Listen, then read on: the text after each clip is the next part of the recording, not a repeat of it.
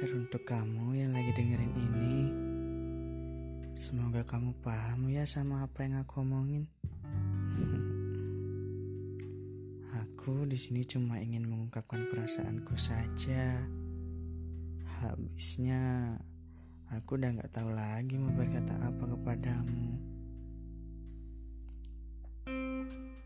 Sebenarnya kamu sadar gak sih? Kita udah lama banget ngejalanin hubungan ini. Kita udah sering jalan bareng, main bareng, ke mana-mana pun selalu bareng. Tapi, apa iya hubungan ini akan terus begini?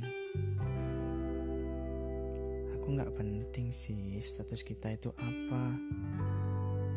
Yang penting, aku nyaman aja sama kamu. Aku ingin kamu menganggapku ada. Aku sayang sama kamu. Dan kamu tahu,